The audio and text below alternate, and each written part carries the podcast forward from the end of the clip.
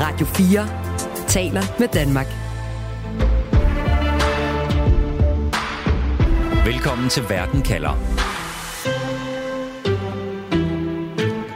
To mænd med meget til fælles sidder i de her timer og spiser aftensmad i Moskva.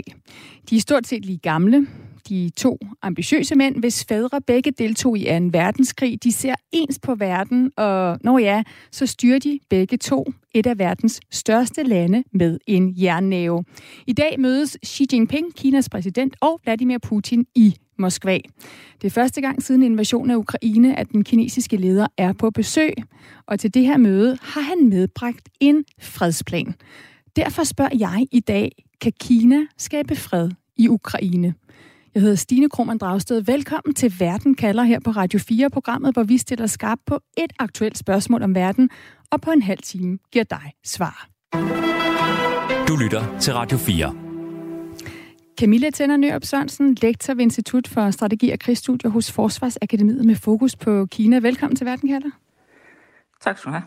Altså Xi, han bliver modtaget af et orkester, da han lander i den internationale lufthavn sydvest for Moskva tidligere i dag. Så har øh, han og Putin haft en lille tæt tæt, altså sådan et møde under fire øjne, og nu skulle de to her altså ifølge planen sidde og spise middag. Camilla, har du et bud på, hvad de sidder og taler om? Mm, nej, altså, det er jo svært. Der er øh, i hvert fald emner nok at tage fat i. Altså, vi har over de sidste, øh, de sidste år 10 set en kraftig styrkelse af det russisk-kinesiske samarbejde, både økonomisk, politisk og også militært. Mm. Og Xi Jinping har jo tidligere kaldt Putin for ikke bare hans bedste, men hans mest fortrolige ven. Altså det gjorde Xi jo faktisk 20 dage inden, at de her russiske kampvogne kørte ind i Ukraine sidste år, ja, for et, for et år og en, og en måned siden under et møde, ikke, hvor de to ledere også underskrev den her aftale om ubegrænset partnerskab. Camilla, er forholdet lige så varmt imellem dem nu? Mm, mm, ja, altså det, det er igen også svært. Altså Xi Jinping har faktisk skrevet en artikel, som i dag er blevet publiceret i, øh, i en russisk avis. Øh, jeg tror, Putin har gjort det samme, som så er publiceret i en kinesisk avis. Øh, og der er der skruet lidt ned for den videnskabelige retorik, og der omtales det mere som, som, ja, som en vigtig partner, en vigtig øh, øh, partner, som man skal samarbejde med. Der omtales det her omfattende strategiske partnerskab, øh, de har, men altså der er ikke så meget fokus på netop øh, Putin, og, og heller ikke på, på fjendskabet, kan man sige, mellem Xi og Putin. Så der er måske gået en lille smule glans af det her bromance, den her bromance, som det jo også er blevet kaldt, det forhold og det venskab, der, der er altså uden grænser, et venskab uden grænser mellem de to verdensledere. Lad mig også lige byde dig øh, velkommen til programmet, Anna Libak, udenlandsredaktør på Weekendavisen, som har været korrespondent og boet og rejst i Rusland i flere år. Ja, tak for det. Anna, øh, Putins invasionskrig, den har varet et år og næsten en måned. Hvor vigtigt er det for Putin, at Xi besøger ham netop nu? Jamen, det er utrolig vigtigt. Altså, hvis jeg lige må sige til forholdet mellem dem, så er noget af det, som, som øh, russerne jo gør meget ud af, det er, at øh, Rusland er det land, som øh, Xi har besøgt allermest. Han har været der øh, otte gange som, øh, som statsleder, og de to har inden for de sidste 10 år mødtes øh, 40 gange. Hele 40 gange. Så det er to mænd, der kender hinanden rigtig, rigtig godt. Må jeg lige så spørge, lad os lige tage den, Anna. Altså, er du overrasket? Der var jo gissninger om, øh, om Putin ville komme og møde Xi i lufthavnen. At det ligesom skulle være sådan et tegn på, hvor tætte de var, og på, at det er en stor leder, der kommer til, til Moskva, og hvor vigtigt det er for Putin. Er du overrasket over, at Putin ikke stod og modtog ham? Der var jo et orkester, og så var der en eller anden minister, øh, nobody. Nej, øh, det er jeg ikke øh, overrasket over. Altså, og jeg vil ikke tilskrive det nogen betydning overhovedet, fordi øh, Rusland og også Putin har gjort øh, alt øh, for at tilkendegive, at, øh, at, at Xi er en, øh, en æresgæst. Altså, Putin har skrevet en lang artikel i The People's mm. Daily. Øh, det hedder den på engelsk. Den hedder selvfølgelig noget på kinesisk. Jeg ikke skal forsøge at udtale den. Den kommer også på engelsk og en lang række øh, europæiske sprog, som er centralkomiteens øh, avis. Ikke? Den har han skrevet i dag. Jeg har læst det, Ria Norves, de har, øh, har bragt artiklen, og det er nok den mest civile og øh, fidele altså, øh, tekst, jeg nogensinde har set fra, øh, fra Putin. Hvordan det? det? Jeg er simpelthen overrasket over, hvordan han lægger sig altså øh, på maven øh, for, øh, for Kina. Citerer Konfutse og skriver, at... Øh, at øh, han er... Øh, jeg ved, skriver han, altså jeg, jeg ved, hvor stor øh, vægt øh, Kina ligger på venskab og på menneskelige øh, relationer. Øhm, og øh, sådan en stil, som Xi Jinping lægger for dagen, imponerer mig dybt, skriver mm. han. Altså prøv lige at mm. sammenholde det med, hvordan Putin normalt taler til andre ledere. Mm. Okay, så det er meget sjovt, fordi det, Camilla, det er jo så også det, du, du har også læst øh, Xi's indslag, og, også, og han ligger altså ja. ikke på maven for Putin. Nej, og jeg har også prøvet at sammenligne dem, øh, øh, og, og der er det meget tydeligt, at i den kinesiske, den øh, som Xi Jinping har skrevet, der er der fokus på sådan mere de, de officielle termer. Han, skrev, han, han, han fremhæver især, at, at øh, relationen mellem Kina og Rusland er jo karakteriseret af det, man kalder de tre nejer. Altså det er ikke en alliance, det er ikke en, der øh, øh, relationen er ikke med henblik på at skal konfrontere nogen eller, eller have et, øh, en tredje part. Ikke? Så det er hele tiden det her med at prøve at understrege, at det er ikke en alliance. Så vi er langt væk fra det, vi så i, øh, i februar, eller langt væk, vi er noget væk fra det, vi så i februar øh, sidste år, inden den russiske invasion, hvor vi fik den her fælles øh, kinesiske, russiske udtalelse, hvor der jo stod det her øh, venskab eller øh, relation uden grænser. Men, det, men, det nævnes der ikke nu i den kinesiske udgave. Men Camilla, hvorfor altså, hvad får sig ud af at tage til Rusland lige nu, hvis han, hvis han på en eller anden måde prøver at trække følehornen lidt til sig? Altså, Putin er blevet en paria i hele Vesten. Der er lige blevet udstedt arrestordre altså, på ham fra den internationale ja, strafdomstol, ja, ja. ikke? Øh, ja. Camilla, hvad får sig ud af at tage til Rusland netop nu? Jamen, Rusland er vigtig for Kina, og det er også vigtigt for Kina at fastholde et, øh, et, en god relation øh, til Rusland. Det er der masser af, af grunde til, øh, særligt at de jo deler en 4.000 km lang grænse.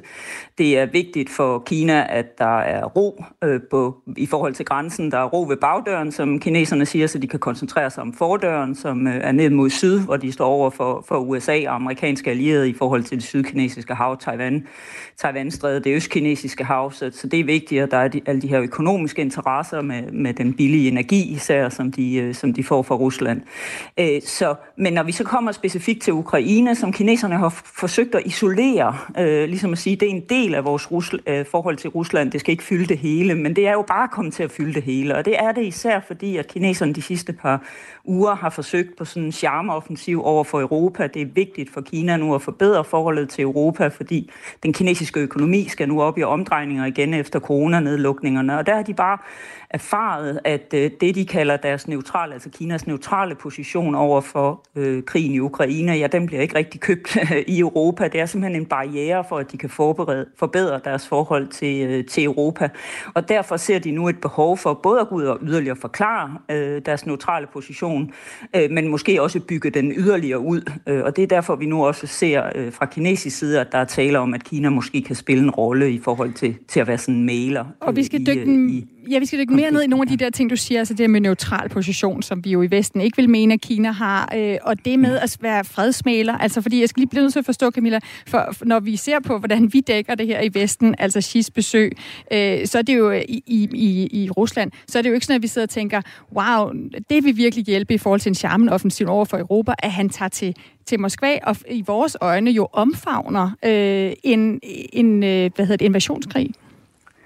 Ja, men det er også det, de forsøger fra kinesisk side at få det netop ikke til at være sådan en, en omfavnelse. Men det er en svær balance, fordi øh, som jeg også var inde på, så øh, er der heller ikke øh, nogen interesse set for Kina i at lægge, øh, for alvor at lægge afstand øh, til Rusland. Så de forsøger både at blæse og have i munden, kan man sige, altså at mm. fastholde, at Rusland er en vigtig strategisk partner. Det er det både ud for de her sådan, øh, øh, årsager her og nu, grænsen og økonomiske interesser, men det er, også, er, er det også på den lange bane. Kina ser efterhånden rigtig mange udviklinger og konflikter i det internationale system med øh, de her konflikten med USA, brillerne på udfordringen af USA's lederskab i det internationale system. Og det er sådan mere på den lange bane. Og der har de altså, ser de altså en interesse i at fastholde Rusland på, øh, på Kinas okay. side. Så de øhm, har flere ja. dagsordner ved at besøge øh, Rusland og Putin netop nu. Anna Libak, jeg kunne også godt tænke mig, at du følger med i, hvordan det her besøg bliver modtaget i, i Rusland, hvor meget Kina og Kinas holdning fylder. Hvad fylder det for eksempel i de russiske medier for tiden? Jamen, det fylder øh, utrolig meget, fordi Putins begrundelse for at gå i krig, eller en af de mange begrundelser, han har givet, det er jo, at, øh, at verdensordenen er ved at tippe. Øh, og det er sådan, at øh, Ukrainekrigen vil indvarsle en ny verdensorden, hvor Kina vil sætte dagsordenen. Øh, russerne gør sig ingen illusioner om, de selv vil sætte dagsordenen. De siger, at, øh, at det vil øh, Kina, og at øh, de så at sige vil, øh, vil hjælpe Kina i, i den øh, sammenhæng. Og når jeg læser, øh, hvad Xi Jinping selv siger, øh, så øh, mener jeg, at, øh, at der er grundlag for at sige, at, øh, at Ruslands og, og Kinas analyse af verdensordenen og den måde, øh, den ændrer sig på, den er sammenfaldende. Mm. Øh, jeg vil gå så langt som til at sige, at Kina har ikke mindre interesse i Ukrainekrigen, end Rusland har. Og øh, det kan godt være, at man umiddelbart er bange for sanktioner øh, fra europæisk side, men man er ikke mere bange, end at man ikke lægger skjul på, heller ikke i forbindelse med det her besøg, at, øh, at, at det vestlige hegemoni øh, dage er, øh, er talte, og at Rusland og øh, Kina sammen øh, arbejder på en, øh, en verden, hvor øh, ikke vestlige magter sætter dagsordenen. Så, så Anna, er det du siger også, at med det her besøg fra Xi fra Kinas øh, Xi i Moskva hos Putin, så kan vi også sige, at han viser, at Kina er på Ruslands side, når det gælder Ukrainekrigen? Ja, det kan jeg love dig. Det er ikke tilfældigt, at han ikke øh, tager til Zelinski. Jeg ved godt, at han har sagt, at han bagefter vil føre en samtale med Zelinski, og det er jeg også sikker på, øh, at han gør. Men noget, der er meget karakteristisk, hvis man læser den der øh, centralkomiteens avis, og øh, sammenholder det med, hvad der står i de russiske medier, så er det, at den kinesiske og den øh, russiske analyse af vestens tilstand er sammenfaldende. Lige nu ligger der for eksempel øh, på forsiden af People's Daily, øh, der, der ligger øh, en, en øh, meddelelse om, at der er kommet en rapport over tilstanden i det amerikanske demokrati. Og øh, tidligere var det jo os, der lavede øh, altså sådan nogle analyser af resten af verden. Nu er det dem, der laver dem øh, af os. Og her konkluderer man, at øh, USA er et stort kaos, og det er alt det, vi selv skriver om, at øh, hvem kommer til øh, ved næste øh, præsidentvalg og polariseringen, og alle de skuddrab og så videre mm. og så videre. Og, og det er sådan set det, man både tror i Rusland og Kina, det er, at øh, Vesten øh, vil afvikle sig selv på grund af de interne splittelser.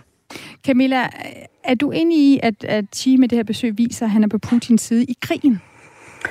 Altså jeg ser snarere, at, øh, at Kina og Xi øh, prøver at, øh, at finde en balance. Altså prøver simpelthen at overbevise, og, og vi kan sagtens blive enige om, at det ikke rigtig lykkes over for Europa og over for USA, men spørgsmålet er, om det lykkes uden for Vest, men overbevise om, at de, at de tager den her mere neutrale position og prøver at spille sig selv ind som en, som en mere ansvarlig og konstruktiv stormagt. Og hvad det måles op i forhold til, det måles op i forhold til USA. Det har Anna Libak helt ret i. Altså det, der fylder allermest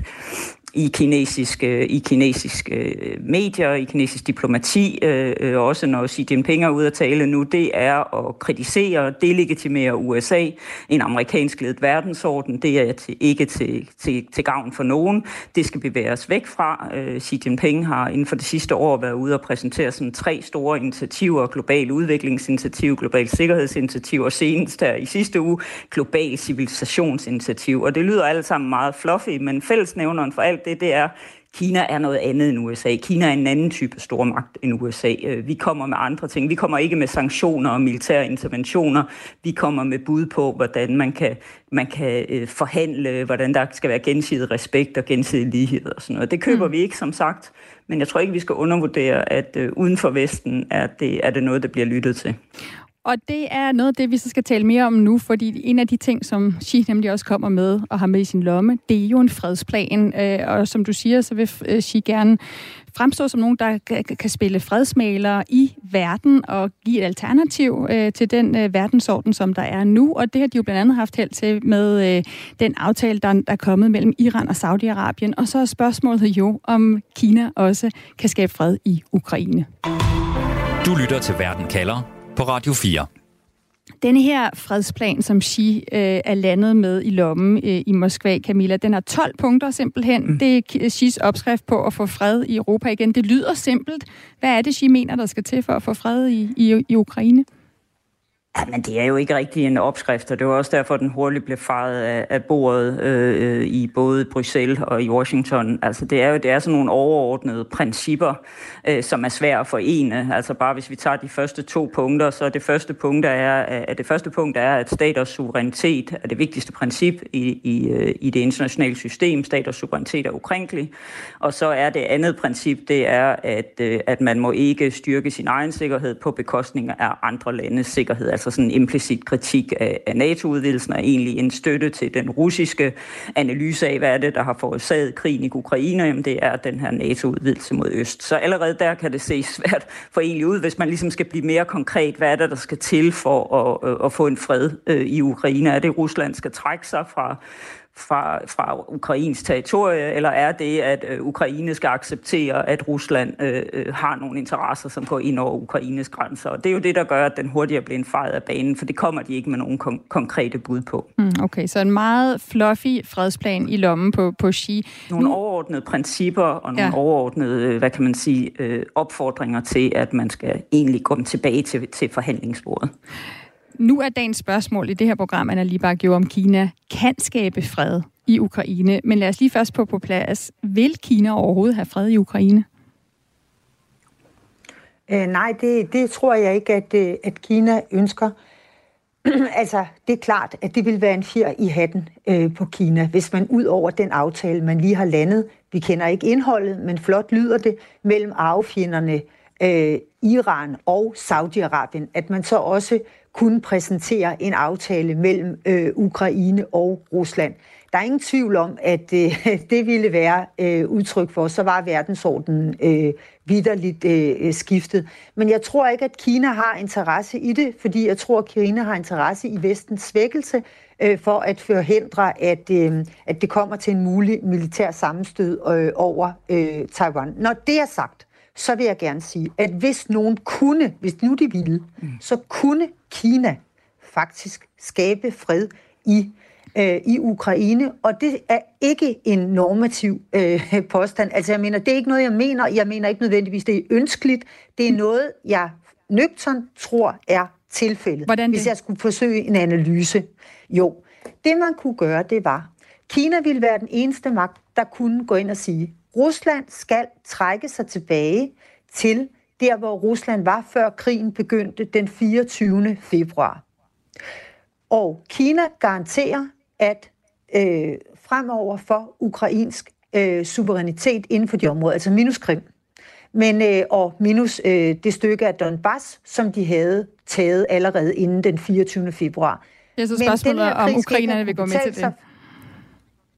Ja, og nul NATO. Nej, men altså russerne skal jo først og fremmest øh, jo øh, rykke sig tilbage, så de skal gå med til det. Hvad vil de mm. få til gengæld? De vil få ikke noget øh, NATO-medlemskab, øh, og øh, ukrainerne øh, ville så få en sikkerhedsgaranti. Det ville jo være betingelsen for, at ukrainerne gik med til en sikkerhedsgaranti fra Kina. For Rusland ville det være attraktivt, fordi at hvis Kina skulle garantere, øh, Ukraines sikkerhed, så vil Rusland få større muligheder for at gøre sin indflydelse øh, gældende i fremtiden over Ukraine. Så ville øh, Ukraines integration ind i Vesten ikke være sikker. Vi ville formentlig hurtigt tabe interessen for området i, i Vesten. Så det vil øh, der være i det for Rusland, selvom det vil ligne et, øh, et nederlag. Mm. Øhm, okay, men lige, man lige spørge... Er, at man faktisk fik en hård sikkerhedsgaranti. Ja, Camilla, man lige spørge, altså er der nogle takter, ser du nogle takter øh, fra kinesisk side til, at det er det, man kunne tænke i? Altså der har, det har jo været på banen, at Xi skulle tale med Zelensky i forbindelse med, at han nu også besøger Putin.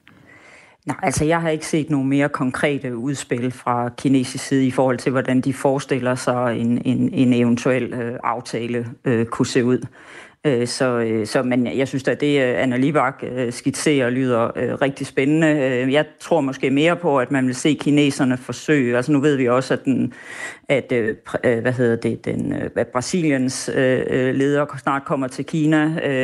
De har allerede ragt ud til, til, til Indien også i den her sammenhæng. Ikke? Så hele den her forsøg på ligesom at, at, at, at fange, altså få de her store magter uden for Vesten samlet i en eller anden form for, vi ser det også i Shanghai Cooperation Organization, i større samarbejde til noget, der kan noget, uden man behøver at have USA og Europa med i alting. Jeg tror, at kineserne vil prøve at brede ansvaret, kan man sige, for en aftale i, øh, i forhold til Ukraine ud, øh, så mm. det ikke kun er dem, der skal give sikkerhedsgarantier, eller kun er dem, der skal ja, ligesom stå øh, øh, øh med ansvaret for at straffe, hvis en af parterne ikke overholder aftalerne. Okay, det her det var også svar på spørgsmålet, om de kan skabe fred i Ukraine, men Anna Libak, altså, du siger jo, at det vigtigste ved besøget for Putin er selve signalværdien i, at Xi er i Rusland lige nu, mens der er krig i Ukraine, at Xi viser sin støtte til Putins verdenssyn, at de ser ens på verden. Hvis besøget virkelig skulle give jackpot for Putin, hvordan vil det så se ud? Er det så våbenstøtte fra Kina? Mm. Ja, det er klart, at, øh, at, at det øh, ville det være. At, øh, eller hvis Kina mere entydigt, fordi som Camilla også gjorde opmærksom på, øh, så er kineserne øh, retorisk øh, forsigtige. Øh, altså, de vil netop øh, gerne stå som, øh, som, som mulige neutrale øh, malere, og tager derfor ikke entydigt retorisk øh, stilling til fordel for Rusland. Men altså, hvis Kina sagde, at vi går hele hjertet ind på øh, Putins side og leverer øh, våben, så er det klart, at det vil være et drømme Øh, drømmescenarie for, øh, øh, for Putin. Men, øh, men, men sagen er den, jeg tror jo ikke, at kineserne er interesseret i, at der bliver fred i Ukraine. Og det tror jeg ikke, fordi at for Kina er denne her krig på rigtig mange planer øh, til stor gavn for Kina. Prøv at tænke på, at deres virksomheder får meget billigere energi, meget mere gas, meget mere olie til helt andre priser, end dem de konkurrerer med øh, i Vesten. Vi er jo ved at trække vores virksomheder ud øh, af Kina. De får en konkurrencefordel der. Og samtidig så kan alle jo se, at forholdet mellem Kina og USA bliver stadig mere anspændt og man taler øh, hele tiden om, at krigen kan komme øh, når som helst om Taiwan. Og så er det klart, at så er det da en kæmpe fordel for øh, kineserne, både at øh, USA har bundet så mange mentale ressourcer i Ukraine, men sandelig også, at våbenlagerne er tomme, fordi mm. de har sendt det til Ukraine. Så, øh, så jeg tror øh, selvfølgelig ikke, at Xi han lige pludselig hiver en, øh, en fredsplan op af lommen. Jeg siger bare, med den indflydelse, han har i Moskva, der ville det faktisk være muligt for ham at lave mm. en fred. Ja, det er med på, men tror du så også, at han vil gå skridtet videre og sige våbenstøtte? Altså, hvis det faktisk er i hans interesse, at den her krig fortsætter, så kunne han jo gå skridtet videre. Det behøver ikke være direkte våbenstøtte. Det kunne være droner, eller det kunne være veste eller andet udstyr.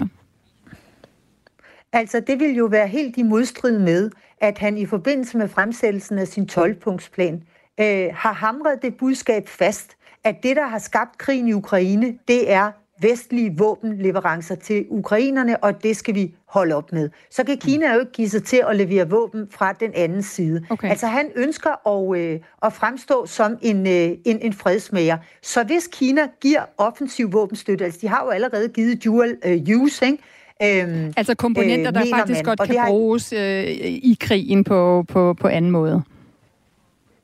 Ja, på anden måde, og man mener også, det har givet skudsikre veste og stormrifler øh, og på det lav, men ikke nødvendigvis. Og droner, altså hele den dronekrig, der, der øh, pågår i Ukraine, men der har ukrainerne fået lige så mange droner som russerne. Det er jo hobbydroner, kinesiske hobbydroner, der er allerflest af, som de så øh, la- laver om øh, og tillemper, så de kan øh, bruges som, øh, som væbnede øh, øh droner. Mm. Øh, så, så Kina spiller sandelig, øh, kinesisk teknologi spiller sandelig en rolle allerede på, på slagmarken. Men Xi, han vil gerne ses som en fredsmaler, og særligt nu, når han lige har landet det mellem Iran og Saudi-Arabien. Det vil jo være synd at sætte hele den opfattelse af Kina som den nye verdens politibetjent over styr ved at give sig til at levere øh, missiler til, øh, til russerne. Okay, og Camilla, den del af analysen tænker jeg, at du er enig i i forhold til, at ja. Kina ikke er klar til næste skridt, altså at give våben. Men er du også enig i, hvis du tager øh, ki, altså Kinas øh, briller på, at de også ser et USA, der på grund af krigen i Ukraine er optaget, og derfor så får de i højere grad Nej. frit spil øh, i forhold Nej. til Taiwan? Nej, det er ikke den oplevelse, der er i, i Kina. Og øh, der kan vi jo bare kigge på de sidste par uger, ikke, hvor den amerikanske forsvarsminister har været i Filippinerne og indgået nye aftaler om adgang til, til fire nye baser i Filippinerne, hvor USA's militær nu for alvor bygger op.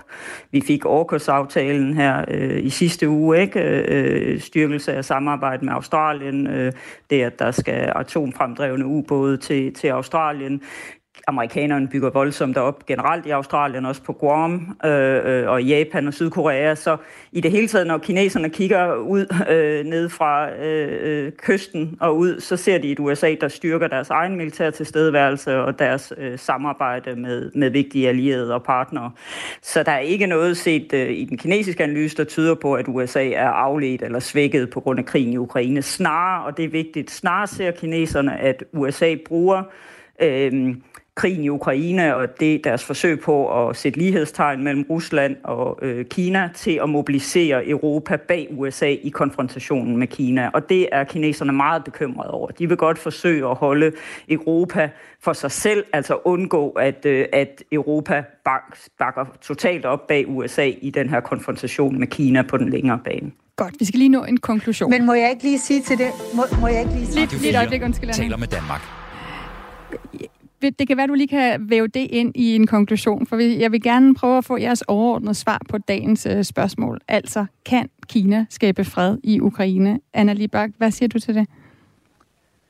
Øh, de kan, men de vil ikke. Og jeg mener godt, at øh, både det og Camilla, det jeg og Camilla siger, kan være rigtigt på en og samme tid, nemlig at det svækker USA militært, at de er engageret i Ukrainekrigen. De leverancer, som de havde lovet til Taiwan, er ikke blevet leveret, fordi de ikke har dem længere på lager. Det havde de ellers en plan for. Samtidig med, at kineserne føler sig truet, fordi USA tager en masse initiativer, militære initiativer, som dog først skal realiseres i fremtiden, som for eksempel atomdrevne ubåde, der jo først øh, skal øh, produceres. Mm.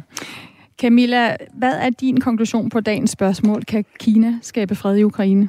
Nej, det tror jeg ikke, de kan. Ikke alene. Men de kan måske være med til at åbne op for, at forhandlingsbordet at der bliver øh, åbnet, hvis de er villige til øh, at lægge et pres på øh, Putin, og hvis Putin vel og mærke vil lytte til, til sige.